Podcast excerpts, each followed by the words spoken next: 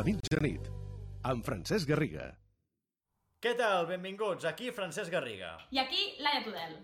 S'acaba el 19 de març i seguim confinats. Tu, jo, la Laia i la gent responsable. Però no tothom, perquè resulta que Luka Jovic, el jugador del Madrid, el podem qualificar d'insolidari com a mínim i d'irresponsable. Resulta que els jugadors del Madrid estan en quarantena. Recordeu que hi va haver diversos positius a l'equip de bàsquet, doncs els jugadors de futbol també havien de ser en quarantena.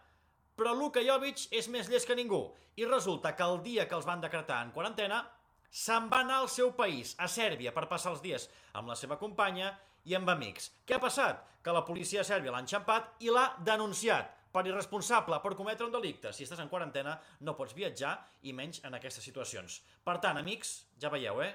Compte i no sigueu irresponsables com el Luka Jovic, que el que ha estat és responsable i més coses que potser millor que no diguem.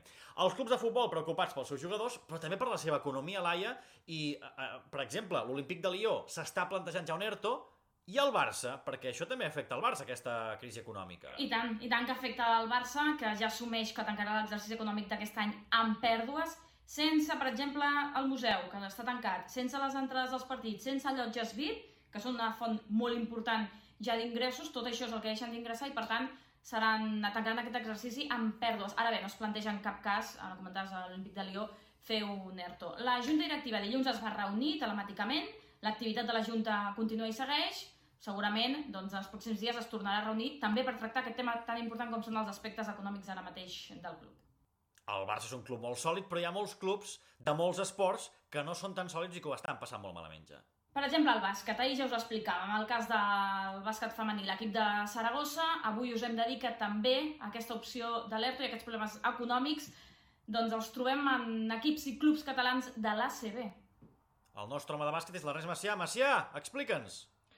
Doncs sí, Francesc, que els clubs, sobretot de zona mitja i mitja baixa de la Lliga CB, amb els seus gabinets jurídics, estan estudiant la possibilitat de fer ERTES com a moviment estratègic per evitar perdre llocs de feina, per evitar perdre el màxim de diners possibles, perquè la Lliga està aturada fins al 24 d'abril, però ningú sap fins quan realment es podrà tornar a començar a jugar a bàsquet, de manera que es busca una acció coordinada, també perquè el mínim nombre de clubs quedin a la intempèrie de cara a possibles negociacions amb representants i aquests propers dies veurem un degoteig d'ERTES i de jugadors que, com a conseqüència d'això, americans, australians, se'n tornen als seus països. Avui, per exemple, l'Uni Girona, la seva una de les seves alers estrelles, Anaora Elonu, se n'ha tornat cap als Estats Units i això acaba tot just de començar.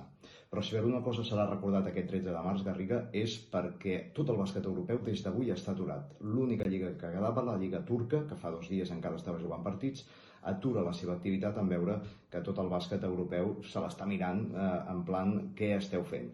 Eh, per tant, Josep Maria Izquierdo, l'ajudant de Zelko Bradovic, des d'avui té malauradament festa, veurem quan es reprèn tant la competició Turquia com a la Lliga CB com també l'Eurolliga.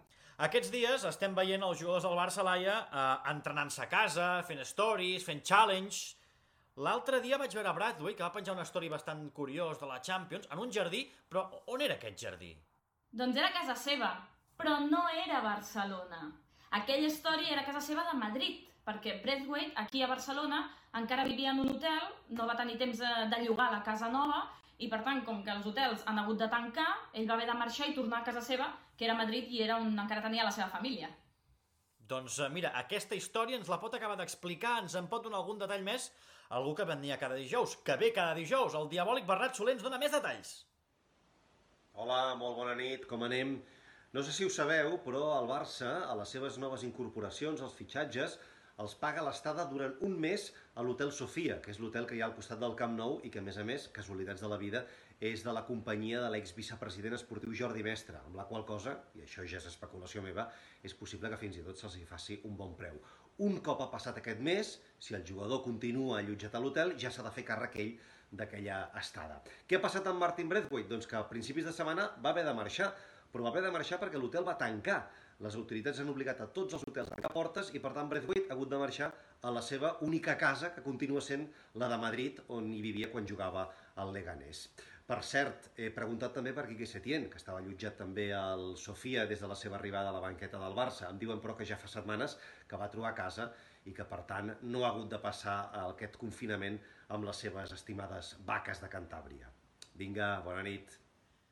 Bé, avui han passat moltes coses, menys que ahir, menys que abans d'ahir, no, Laia? Estat un dia més tranquil·let, Sí, no? sí, sí, sí, sí. Sobretot a, Però els què- temes de la Lliga i la Federació, tot això s'ha rebaixat ara. Però i què fem els dijous, normalment, al programa? Avui no hi ha Minguella, ja el tindrem, però per, per destensar una mica l'ambient. El Cazorla, el Follow Garriga. Avui us hem penjat a les xarxes un fragment llarguet, l'ha fet el Cazorla des de casa seva, amb aparició estel·lar de la seva filla. Uh, on ho podem trobar? On ho podem trobar, això, Laia?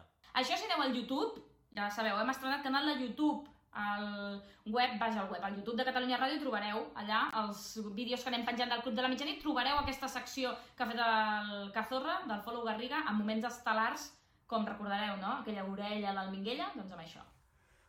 Doncs si voleu recuperar moments com aquests, aneu al YouTube. Nosaltres us deixem aquí un petit tastet del follow Garriga del Cazorla.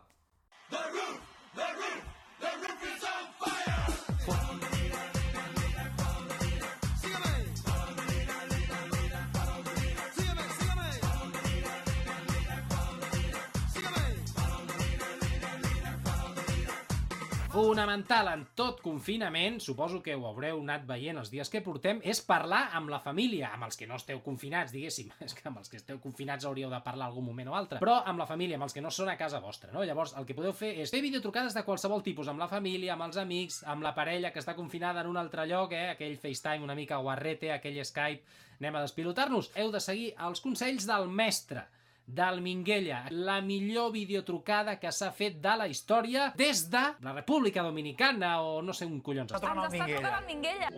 Minguella! Ei, què feu? Quita esto, quítalo, quítalo. Escolta, esteu molt lluny, tu, però he aconseguit contactar-vos. Ojo les orelles. Minguella! Sentiu o no? Sí. Sentiu, sentiu o no? Però, Ostres. Merengue, estem a la terra del merengue i la... quina hora tens ara, Minguella, tu? Eh? Aquí són les 8 menys 10. Josep Maria, la setmana que ve ho fem amb una mica més...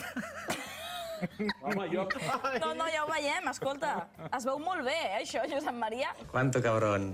No, veus que tecnològicament no tinc problema. Bueno, perquè hi ha un que. Se nota, eh? Ai, aquesta orella del Minguella, com en vam riure aquell dia, Laia. Això ho tornarem a fer aviat, no? Home, si amb el Minguella hauríem de fer una connexió aviat, perquè és molt divertit. La farem. Porteu-vos bé, no feu com Jovic i que passeu un bon dia avui dijous, el que queda, i demà divendres. Adeu!